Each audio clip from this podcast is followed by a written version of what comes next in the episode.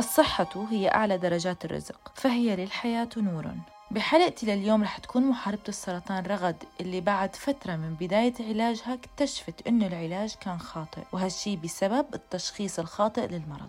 معروفة باسم رغد البسام محاربة السرطان عمري 24 سنة خريجة بكالوريوس قسم علوم الحياة بيولوجي انصابت بمرض السرطان 2017 استمرت إصابتي لمدة سنتين بالغدد اللمفاوية. بدأ وياي stage ثاني. كان بالبداية شخصوني هوشكن لمفوما بالحوض. وبلشت الحكاية. بالبداية إنه أني صار وياي صار عندي ورم خارجي منطقة الحوض. فما كان نهائيا ببالي إنه ممكن هذا فشي حالي من حال أي شخص. أه رحت أكثر من طبيب أكثر من طبيبة. أغلبهم كانوا متفقين عن رأي واحد وهو الفتق. قالوا إلي تركي. لحد ما تكملين الامتحانات يعني أنا كنت بفترة امتحانات كنت مرحلة أولى جامعة فقالوا إلي تركي مرور الوقت تكملي امتحانات وبالعطلة سوي يعني هو فتق يعني إذا ما يأذيك ولا دا يكبر تركي بس بيوم اللي يشوفيه يكبر روحي سوي شيلي أنا بعدني بالامتحانات و أنا دا أنتبه عليه يوم عن يوم الحجم دا يكبر. خفت صراحة خفت. فقررت أروح طبيب غير عن هذول الدكاترة كلهم اللي رحت لهم مباشرة ما قال لي أنت هسه تدخلين عملية ليش دكتور؟ ليش دا أفوت عملية يعني؟ كان يقول لي هاي لا فتق ولا أبد هاي غدة لمفاوية ولازم تنشال ولازم تنزرع وبأسرع وقت. قلت له okay أكيد ما دخلت نفس الوقت لأن ما مستعدة. فصار ثاني يوم العملية. العملية بصراحة ما رحت للعملية. كنت كل اللي ببالي إنه أنا حسوي عملية وخلاص. أه لبست أه لبس العملية بقيت أصور فيديوهات ويا أهلي. يعني ما كنت قلقة يعني أو حتى لو أني أكون قلقة ما أحب أكون بهذا الجو دائما أحاول أطلع نفسي ألهي نفسي. بقيت أخذ صور وأحب يكون كل شيء له ذكرى. فبقينا نصور هاليوم والتفاصيل ويا أهلي أسولف أضحك. مبين القلق على أهلي ومبين الخوف بس أنا أحاول أشوف نفسي. أنا مدى أشوف هذا الشيء وأني اللي أطلعهم من هذا الجو. ودخلت العملية وطلعت وبعدها بثلاث أيام جاني إحساس إنه أكو شي بالبيت وأهلي ضامين علي. نزمت أمي أنا أكيد كنت ما أقدر أتحرك لأن مو مكان العملية كلش حساس فحركتي كلش حرجة يعني. فقعدت ويا ماما قلت لها أني أحس إنه تضامين شي علي وأني أكثر شي ما أحب الكذب فإذا تعرفون شي قولي لي كانت تقول لي شي تحكين قابل شكو إن شاء الله ماكو شي بالزرع. أنا مدى أحس هيج دا أحس أنتو تعرفون شي أكو شي مو زين وأنتو ضامين علي.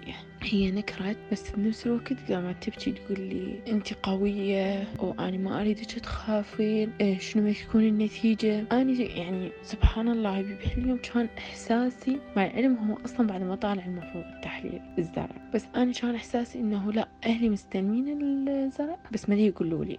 بعدها والدتي قالت لي انت انتظري ما خسرانة شي هيك هيك راح تعرفين هذا الموضوع إذا مو اليوم باكر. وإن شاء الله ماكو شي بس أنا ظليت ماخذ موقف منها ومن أهلي كلهم بحساب إنه هم ضامين علي شي إجا ثاني يوم اجوا يمنا بيت خالي اللي هم يكونون بناتهم كلش مقربين إلي لأنهم بقصة عمري. كانوا ينتظرون الخبر فبيومها جتي ماما وعثت تقارير مستمتة طلعت صدق قبلها بيوم. فقلت لها ها ماما قولي. كانت تقول الحمد لله ماكو شي فهم قالوا اي ألف الحمد لله وفرحوا أنا بقيت أباوع لها قلت لها إحكي الصدق. هالدرجة أنا متأكدة إنه إحساسي لا. اكو شي كان هي تقول لي إيه اللي تردين تسمعين واللي ببالك هو هذا. هنا اللي صار بهاي اللحظة اللي قالت هي هيك شفت انهيار قدامي. قدام عيني. أمي أختي بيت خالي بنات خالي الكل يبكي بانهيار. انهيار مو عادي. فأنا تلقائيا من ردة هالفعل ومن اللي سمعته بكيت. بس بكي مو هذا يعني فد مرة لا. بس إنه مصدومة هاش يصير. فقلت لهم هاش بيكم. مباشرة بنت خالي أخذتهم كلهم جوا بالغرفة جوا مو بغرفة اللي أنا قاعدة بيها. وبقينا بس أنا وياها. قلت لها أرد أفوت أغسل. كنت ما أقدر أمشي يعني وحدي لأن مسوي عملية. فدخلتني للحمام قفلت الباب على نفسي. أه كانت أحس هاي اللحظة اللي كانت حاسمة بحياتي هاي اللحظة اللي أني قررت بيها شنو رغد حتكون ورغد شنو قرارها؟ ورغد شنو تريد؟ وقفت قدام المراية حكيت ويا نفسي بظليت صافنة علنا اللي قلته قلت رغد انت إنسانة قوية. انت ربك يحبك وانت ده يختبرك. وهاي طبعا مباشرة بعد الخبر يعني. وانت قلتها وحتعدي. وهو مرض بس يبقى حالة حال أي مرض. ويبقى أي مرض بالدنيا يحتاج دواء.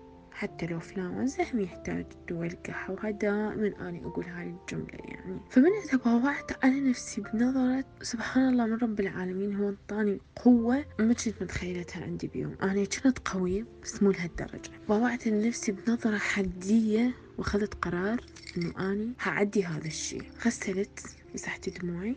طلعت لهم قعدت بنفس مكاني. هم اللي كانوا بالغرفة على مود يقعدون قدامي. اجوا يلقوني قاعدة أصور snap وأضحك. هم انصدموا بردة فعلي يعني بصراحة مستغربين نظرة تعجب وبنفس الوقت ما يقدرون يحجون يقولوا لي ها شبيك أو ليش هيك انتي فبيومهاش قلت لهم امشوا خلنا نطلع. يعني جو بعد قرايبنا من سمعوا الخبر وهيجي. فقلت يلا أنا أريد أطلع طلعوني. هم بعد ما حد يقدر يقول لي لا. وفعلا طلعنا. أني مشغلة أغاني ومتفاعلة ودا أغير جو والجو كان حلو. بس حرفيا بالسيارة ما حد يطلع صوت. كلها ساكتة بدون أي حرف بس أني. هم ساكتين ما يقولوا لي فراحوا جابوا لي لفات بس اللي كانوا هم متخيلين إنه أني هاي ردة فعلي من ورا صدمة كبيرة أو أني دا أمثل عليهم حتى أني ما أبين إنه أني نفسي ضعيفة أو أبين نفسي ضايجة أو هالامور هاي التفاصيل؟ الأمور بلشت تتشربك. بعدها بديت أنا يعني خلاص حتى لو أنا عملية وتعبانة بس لازم أبدي بإجراءات الفحوصات. ينفتح لي file تفاصيل تقارير. المهم بديت بهاي الفحوصات. حددوا نوع المرض مالتي مثل ما ذكرت. غدد لمفاوية stage 2 مرحلة ثانية. بالغدد اللمفاوية Hodgkin lymphoma وتحدد إلي 12 جرعة لازم آخذ. هاي ببغداد وعن تقبلها للعلاج بالجرعة الأولى.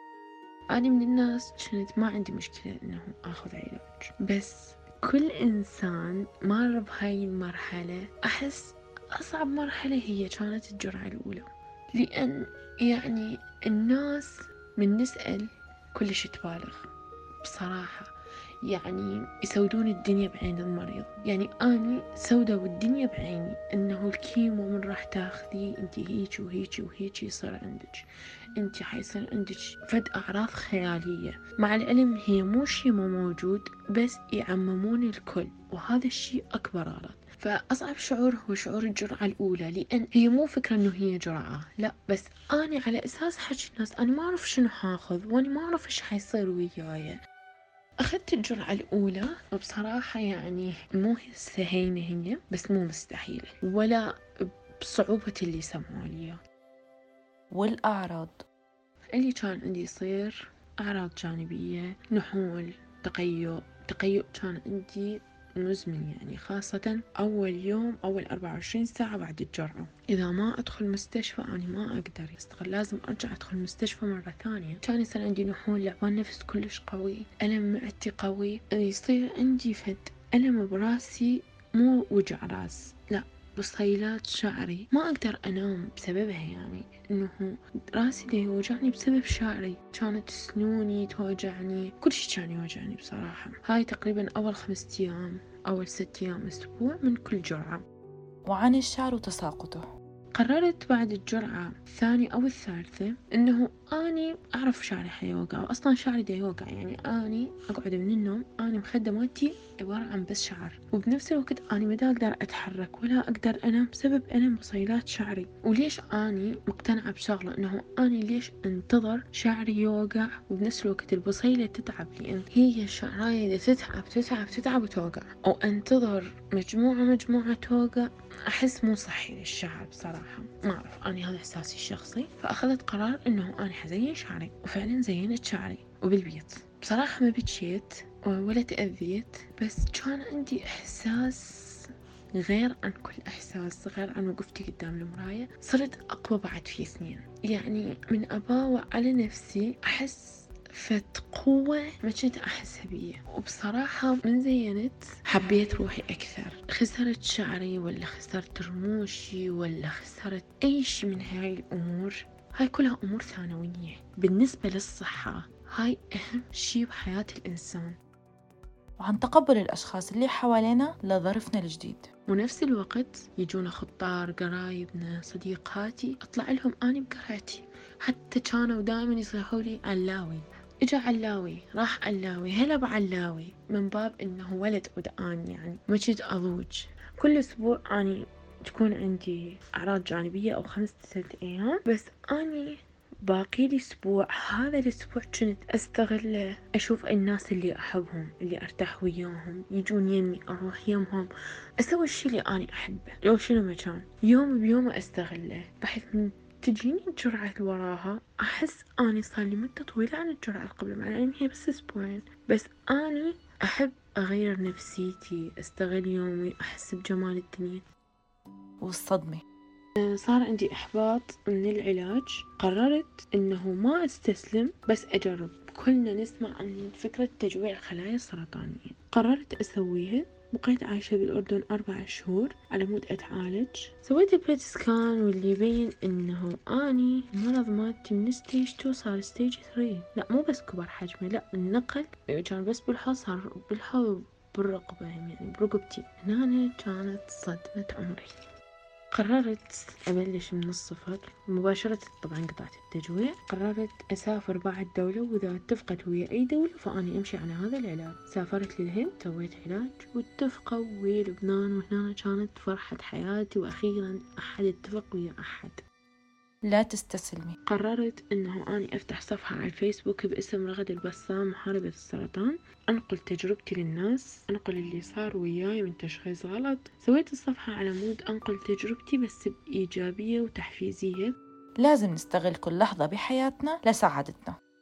كنت دائما أتذكر شي ما يروح من بالي من أطلع من المستشفى. قاعد أنا ما أقدر أمشي لازميني من إيديناتي اثنين يعني اثنين أشخاص من أهلي. فمن أمشي أنا كلش تعبانة وما دا أقدر أحكي ولا أباوع بس من أمشي على كيف أنا اللي ببالي وعقلي دا يدور بي اللي يدور بعقلي إنه خلاص رغد. انت المستشفى صارت وراك وانت هسه بديتي أيام جديدة وهذا الصعب راح. انت هسه عندك 14 يوم تعيشي. بصراحة أيام الأعراض الجانبية أنا ما أحبها ما أنكر هذا الشي لأن أنجبر أبقى بالفراش وأكون تعبانة. بس بنفس الوقت كنت أحاول يعني أحاول أجبر نفسي مثلا أشوف مسلسل أشوف فيلم أسمع شي ألهي نفسي. بس كنت بنفس الوقت ما أقدر أباوع لأن عيوني تأذيني. فكنت يا أنام أغلب شي كنت آكل.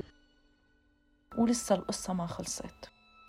أه بين ال PET scan إنه رغد. كأنه ماكو شي أي دواء تبين رغد إنه قالوا لي إياها بالنص تركيا. أنتي شنو دا ينطوك مي؟ أه هنا كانت صدمة عمري. هذا الموقف أنا ما أنساه. شنو دا ينطوني مي؟ ترى أنا مكملة كورس 12 جرعة. وأنا ماخذتهن بإرادتي ومتحملة كل هذا على مود هذا اليوم. الفكرة إنه اللي كان صعب علي إنه أني إنسانة متقبلة العلاج. وأريد أطيب بس ما عندي مكان صح أدوره. ما أعرف أني وين أروح. أني تايهة. سافرت للهند. أكثر دولة اقتنعت بيها بصراحة يعني من باقي الدول وقررت أني أستقر بيها وأكمل علاجي. نص العلاج والحمد لله جسمي استجاب نسبة كلش كبيرة تقريبا مية بالمية أو تسعين بالمية. وثلاث جرعة الباقية هم أخذتها بس كوقاية يعني. أحلى يوم بعمري من سمعت الخبر. سبعة وعشرين سبعة. ما أنسى هذا التاريخ لأن هذا التاريخ يوم ولادتي يوم ولادتي لهالدنيا هدفها بهالحياة أه هدفي بالحياة إن شاء الله أه يكون إلي مشروع خاص إذا الله راد. فأنا مفتحت الصفحة حتى أساعدهم. والحمد لله هواية ساعدنا حالات. هل قهرت رغد السرطان؟ الحمد لله بعد سنتين علاج و18 جرعة. الحمد لله قهرت المرض وانتصرت عليه وهاي نعمة من رب العالمين. وكل فترة أسوي check up كل ست شهور. عن الأشخاص اللي ما بننسى وقفتهم معنا. أهلي وصديقاتي الكل كان يدور بس الشي اللي يسعدني. رسالتك لمحاربي السرطان؟ أنتو أقوى شي ممكن يصير على الكرة الأرضية. أنتو لازم تآمنون بنفسكم. وتآمنون باللي دا تمرون بيه وتآمنون إنه انتو راح تتجاوزون هاي المحنة وانتو قدها. لا تخلون أحد يضوجكم بحكاية لا تخلون أحد يباوعكم بنظرة انتو ما تحبوها. أما لمستمعي الحلقة؟ رسالتي لمستمعين الحلقة حسوا بالنعمة اللي عندكم حبوا نفسكم حبوا حياتكم حبوا تدار مدايركم. استغلوا كل يوم أنتوا تمرون بيه بالرغم من أنه تم تشخيص المرض بالخطأ وبداية العلاج كان خاطئ أيضا إلا أنه رغد كان بس بدها تاخذ العلاج وتوصل للشفاء. ما كان عندها رفض من العلاج على قد ما كانت رافضة الأخطاء اللي عم تصير. لذلك ضلت مصرة أنها تتعالج وتهزم السرطان. والحلو بهالحكاية إنها استطاعت توصل لهالهدف. هاي كانت حلقتي لليوم من بودكاست حكايتي مع السرطان. كنت معكم أنا غيداء مراد آغا. استنونا بأمل جديد وحكاية أمل جديدة. سلام!